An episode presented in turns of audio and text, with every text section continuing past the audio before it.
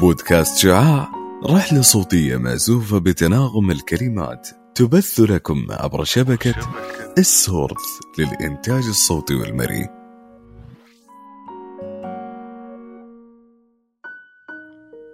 أنا رواب المقاضي وأهلا وسهلا بمستمعينا الأعزاء. خيالات السفر في ذوات البشر قلوب تتكلم عما يؤلمها. الطريق إلى معرفة عما يجول في قلوب الناس. الاستماع إلى نبضات الألم التي تبث الكآبة إلى سائر الجسد. الابتهالات والدعوات. الدموع التي تنهمر على الخد.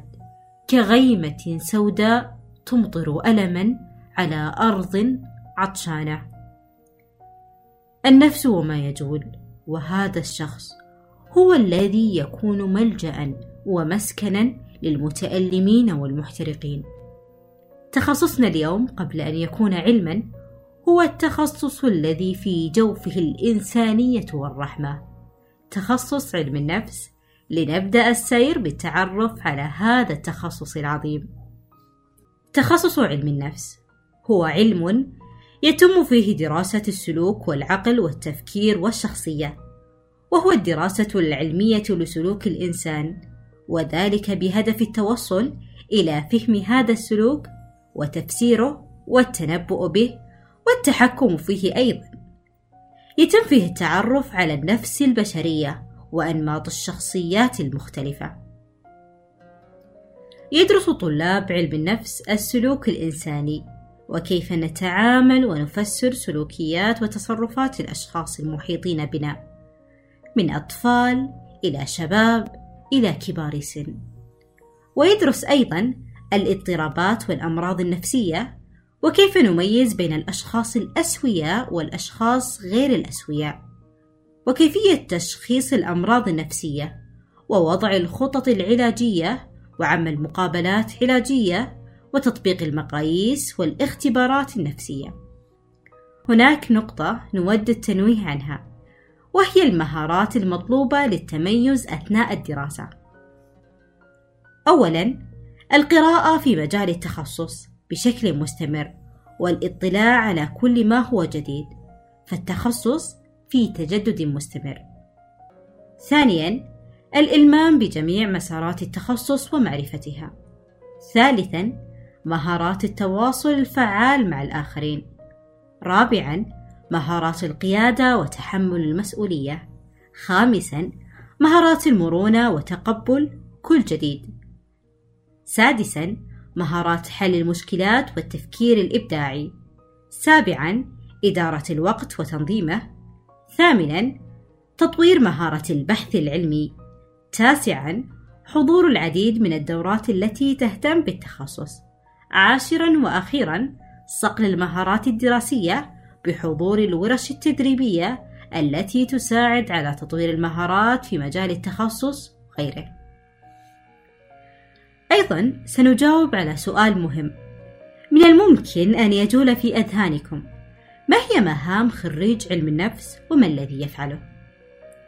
بعد التخرج يصبح الأخصائي النفسي قادرا على عمل الاختبارات والمقاييس النفسية وقادر على المعالجة النفسية كما يصبح قادر على تقديم النصائح والاستشارات في كيفية التعامل مع الضغوطات التي يتعرض لها المريض، سواء كانت ضغوطات العمل أو القلق أو الغضب وغيره من العديد من المهام، فمجالات التخصص واسعة جدا.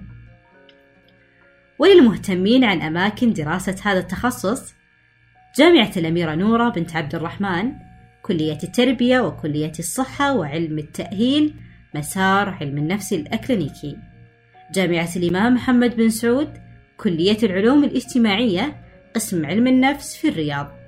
جامعة الملك سعود كلية التربية في الرياض.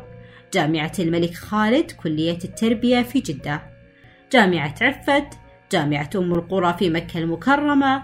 جامعة طيبة كلية التربية والعلوم الإنسانية. جامعة الحدود الشمالية. جامعة تبوك كلية التربية. جامعة نجران. كلية التربية. ستعبر في طريقنا على الخطة الدراسية للتخصص. فما هي الخطة الدراسية والمواد بشكل موجز؟ في الترم الأول من دراسة التخصص يتم دراسة بعض المواد المشتركة في الكلية مثل علم نفس النمو والتعلم الإلكتروني. والمواد العامة المتطلبة من الجامعة مثل مبادئ الرياضيات واللغة الإنجليزية والتحرير الكتابي الثقافة الإسلامية سلام. وبقية الأترام يتم دراسة مواد التخصص جميعها وبعض من المواد المشتركة في الكلية والعامة المتطلبة من الجامعة. ودراسة بعض المواد المتطلبة الاختيارية والحرة موزعة بين الأترام. بالنسبة لمواد التخصص فيتم دراسة مدخل إلى علم النفس ويتم فيه التعرف على فروع علم النفس ونظريات علم النفس. نظريات التعلم يتم فيه دراسة النظريات التي تختص بالتعلم مثل نظرية الاشتراط اللاكلاسيكي البافلوف وهي النظرية التي تتكلم عن كيف يتعلم الطفل بالمثير والاستجابة. ونظرية التعلم بالمحاولة والخطأ لثورندايك والنظرية الجميلة نظرية باندورا نظرية التعلم الاجتماعي. وكيف أن الطفل يتعلم من خلال النمذجة وتقليد الآخرين. علم النفس المعرفي هو الذي يتكلم عن العمليات الذهنية الداخلية بحيث أن هذا العلم يدرس كيف يقوم الناس بعملية التفكير والإدراك والتذكر والتحدث وحل المشكلات. فهو من العلوم التي تثير التفكر عندك. وتجعلك تفكر بعظمة الخالق ومن أمتع العلوم. علم النفس الاجتماعي وهو العلم الذي يتكلم عن الشخص وسط الجماعة علم نفس الشخصية وهذا من أمتع العلوم أيضا بحيث أنه يتكلم عن أنماط الشخصيات وتصنيفها عن نظريات الشخصية الممتعة.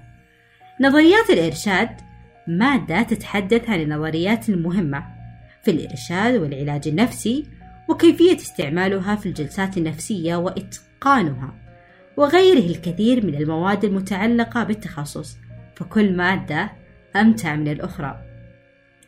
حتما سنمر في طريقنا ونتطرق لنقطة مهمة ما هي مجالات وفرص العمل؟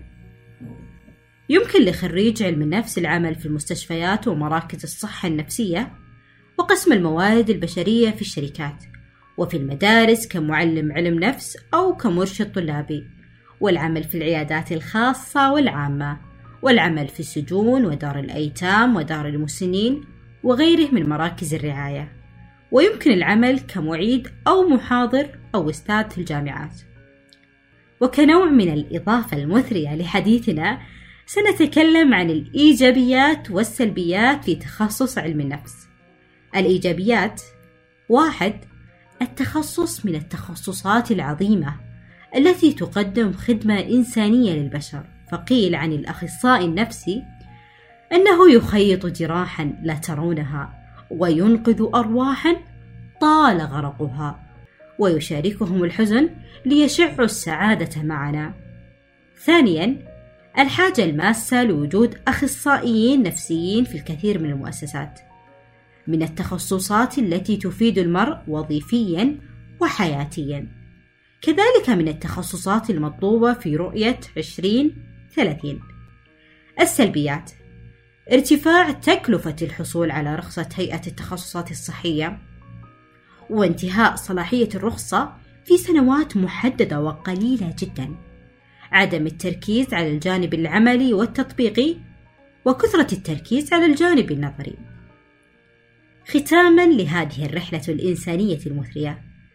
قد لا تدرك أهمية هذا التخصص العظيم الذي قد تكون بسببه سببا لإنقاذ روح قد أوشكت على الانتحار وأن تمسح دموعا انهمرت وأن تضمد جروحا داخلية نزفت حتى الموت. أعزائي المستمعين شكرا لكم. لمرافقة مركبة بودكاست شعاع في رحلتها الإنسانية إلى تخصص علم النفس. دمتم بود. شعاع رحلة صوتية.